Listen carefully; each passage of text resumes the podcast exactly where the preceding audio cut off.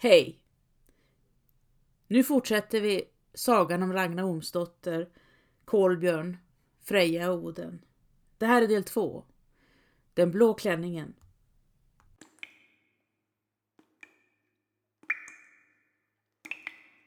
Alfrik, Berling, Dvaling och Grerr är bröder och söner till smeden Alfrik. De är också dvärgar och bor i Nidafalls grottor. Halsbandet, Brismingamen, kom till djupt nere i berget och kedjan gnistrar som eld i mörkret. Den bländar mötan i dagsljus och ser ut att ha eget liv som ömsar färg och skepnad på det mest oväntade vis.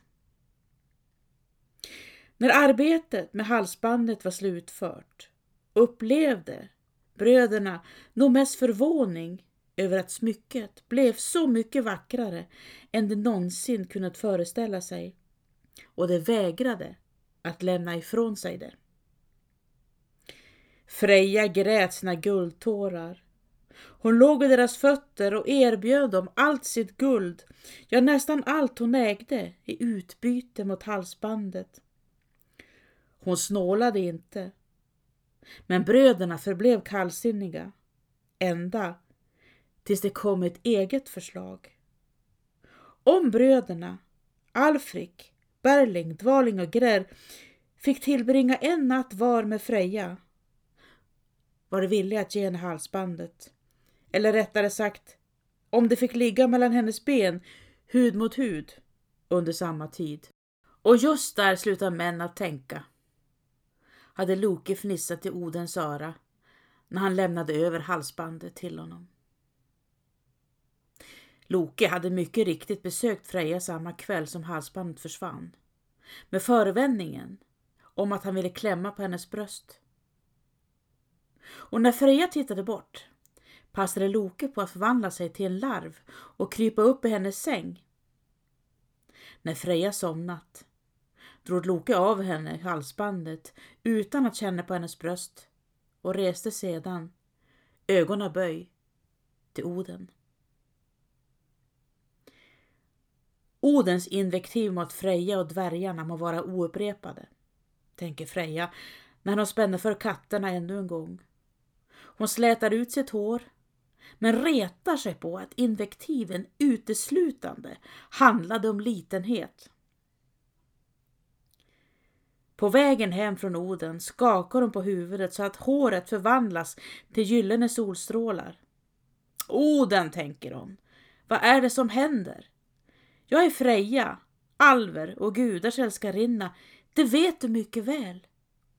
Eller har du börjat bli glömsk, Oden? Hon sträcker på sig i vagnen.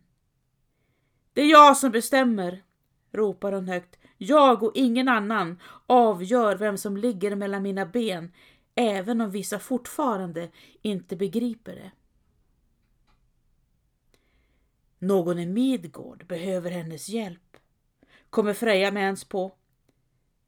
Men den får nog vänta ett litet tag till.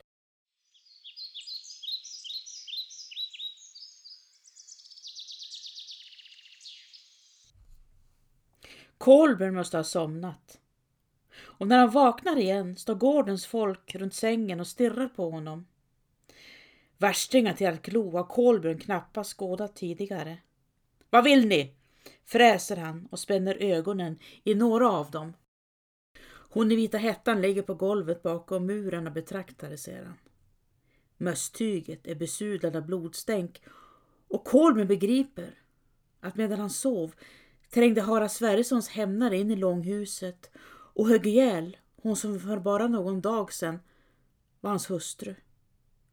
En spjutyxa har träffat hennes hjärterötter åtskilliga gånger och någon har slidit av henne klänningen.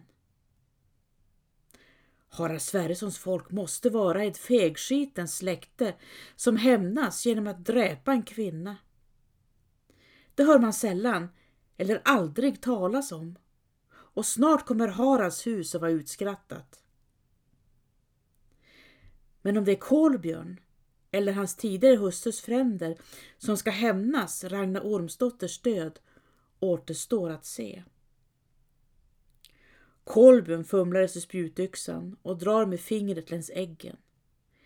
Den känns fortfarande varm efter timmarna i sängen och han klappar yxan och viskar Du och jag. Spjutyxan är klibbig och Kolbjörn drar åt sig handen. När han tittar efter Hans fingrar är täckta av blod och han drar ut spjutyxan på fällen. Yxan är mycket riktigt blodig från skaft till ägg och Kolbjörn kan inte riktigt ta in den nya bistra sanningen. Att Harald Sverressons fränder dödat kvinnan som en gång var hans hustru med hans egen spjutyxa. Eller rättare sagt, det tog spjutyxan ur hans bädd, högg ihjäl kvinnan och la sedan tillbaka spjutyxan in till honom igen utan att han vaknade eller märkte någonting alls.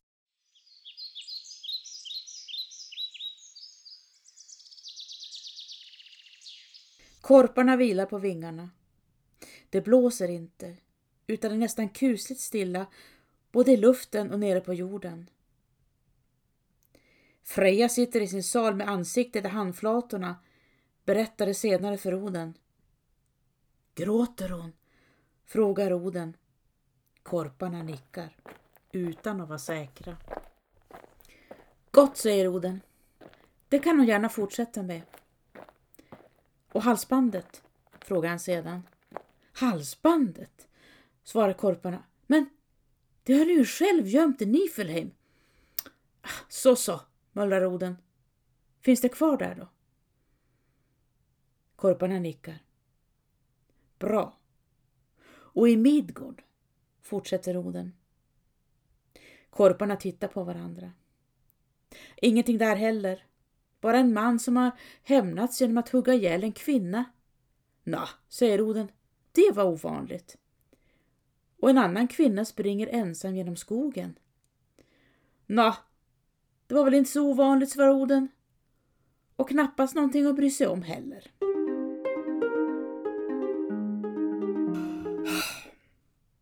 Freja suckar. Mannen i Midgård som sökte hennes hjälp innan noden började bråka om halsbandet verkar inte behöva henne längre. Oftast är människorna i Midgård ganska enkla att förstå sig på. Vissa vill inte ha fler barn och önskar hjälp med det, medan andra längtar efter barn som de inte får. Inte många verkar begripa att hon, Freja, inte kan göra så mycket åt varken det ena eller det andra, speciellt inte det andra. Att motverka barn klarar människorna utmärkt på egen hand. Men när barnen uteblir står även Freja handfallen. Det är ett mysterium även för gudar. Freja suckar igen. Det som inte önskar barn är en sak. Men att inte få det barn som man gärna vill ha kan röra upp både himmel och hat. Freja har sett det så många gånger förut och ser det igen. Titta bara på kvinnan som springer genom skogen med en blå klänning under armen. En pojke, Björn, son till Lava, stiger in i Kolbrunns hus några dagar senare. Han måste vara en halvpojke som gråter öppet mellan orden. Björn Lavason snyftar och snörvlar och berättar att han råkade kika in just genom den här dörren till Kolbrunns långhus en morgon för en kort tid sedan. Det lät som en brunstig katt, men på golvet stod två kvinnor, berättar pojken. Den ena var klädd i trälens grå tunika, medan den andra påminde om Kolbruns hustru Ragna. Kvinnan i grått högg spjutyxa mot den andra kvinnan, hon i blått, som rasade samman. Här och här och här! hade kvinnan i grått skrikit och huggit även när den andra kvinnan låg livlös på marken. Pojken tar sig för bröstet medan tårarna rinner. Det var nog blodet som fick honom att dåna och förvandlas till en liten hög av skinn och ben utanför Kolbjörns dörr ursäktade han sig med. Men han hann uppfatta hur kvinnan i grått rusade ut genom dörren med ett blått bylte under armen. Vad den andra kvinnan sysslade med under tiden visste han inte. Det måste ha varit klänningen, tänker Kolbjörn Stensson. Kvinnan som tidigare var hans hustru hade varit klädd i en blå klänning den morgonen. Om man skulle fråga Gyla. Hon kan ha sett någonting. Även om hon inte pratar så bra förmår hon visa med armar och mun. Och Ragna. Hon hade frågat Kolbjörn om han var far till Gylas unge. Nu ångrar sig Kolbjörn. Han borde ha berättat för henne att Ragnars egen far, Orm Ormsson, brukade lägra trällen Gyla bakom långhuset under sina besök. Då hade Ragnar sluppit sätta ut sitt eget kött och blod i skogen. Kolben tittar in under bordet, men Gylas plats gapar tom.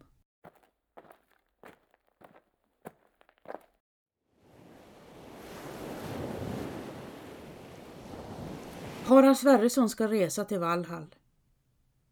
Fränderna fyller hans skepp med nödvändigheter. En häst, korgar med mat, spjutyxan som är nyvässad och två män går runt mellan husen och frågar trällinnorna om någon av dem kan tänka sig att resa med Harald Sverrisson till Valhall.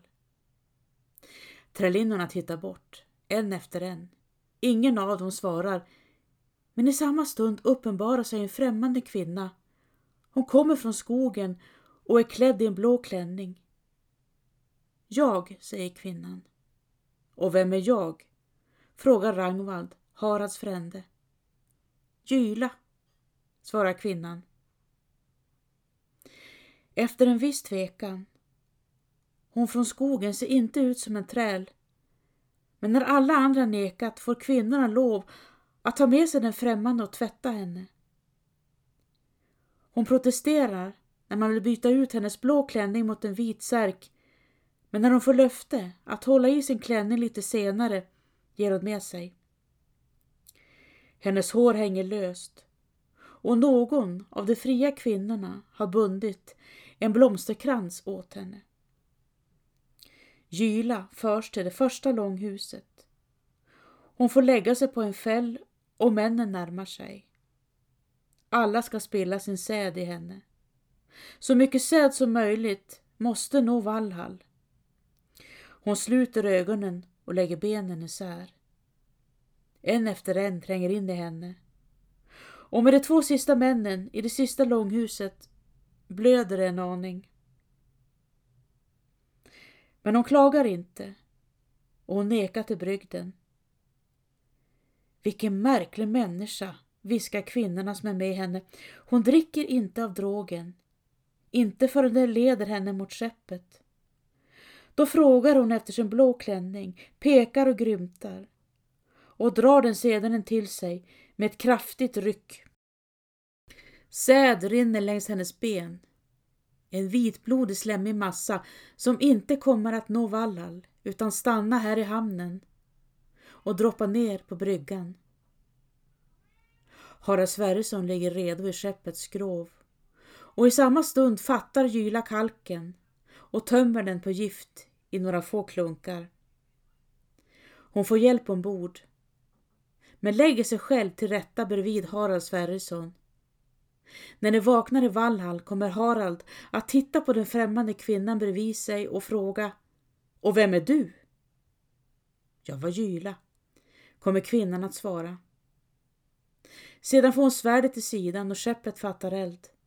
Harald Sverrisson resa mot Valhall har börjat. Den blå klänningen talar man om under resten av dagen. Blå är ju hämnaren och mördarens färg. Den som går ut för att dräpa klär sig i blått. Hon som hette Gyla gjorde tvärtom. Hon lät sig nyss dräpas med en blå klänning i sin famn. Korparna sitter kvar på Odens axlar och tiger. Stod Yggdrasil verkligen med armarna rakt upp? Frågar Oden med mörk röst. Och ingen vind prasslade i löven. Är det så ni menar? Korparna nickar. På så vis, avslutar Oden. Yggdrasil sträcker sina armar mot skyn, men skriket förblir ljudlöst. Midgård träffas av ett kraftigt skalv som känns ända ner i Nifrems grottor.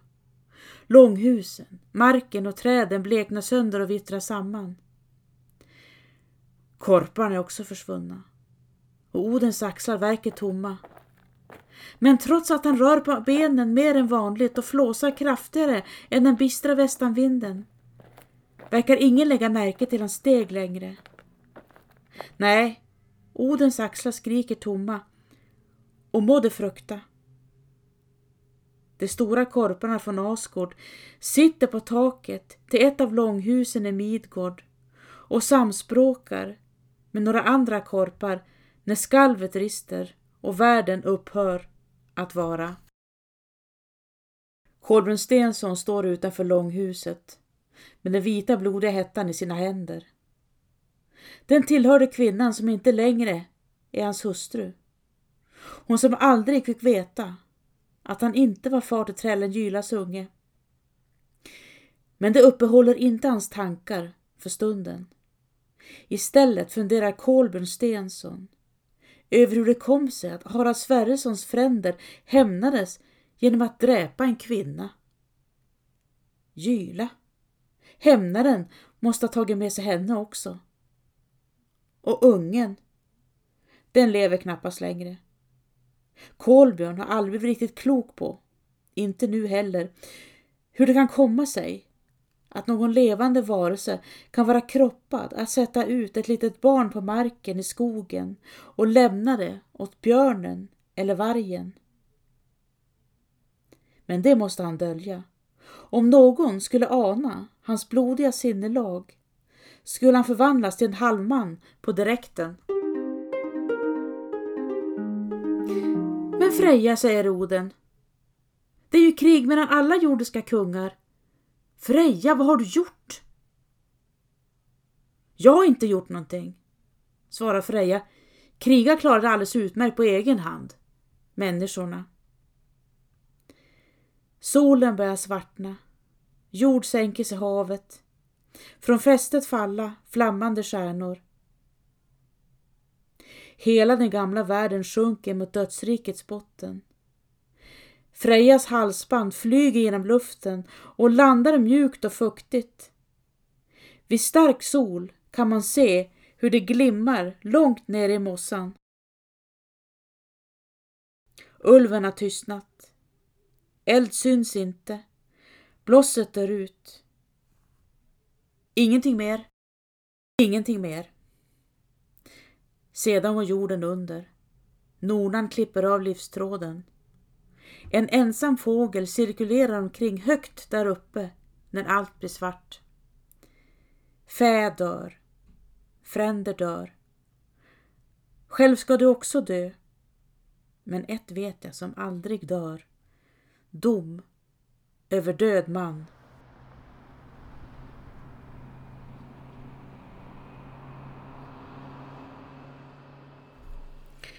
Don Quijote och Sancho Panza färdas över sandbankarna söderut mot Danmark.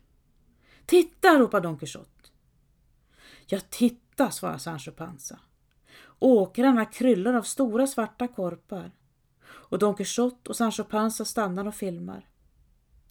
Utanför Louisiana vid Humlebäck upprepas samma sak. Träden dignar av korpbon Don Quijote och Sancho Panza filmar sittande korpar, flygande korpar, gnabbandes korpar.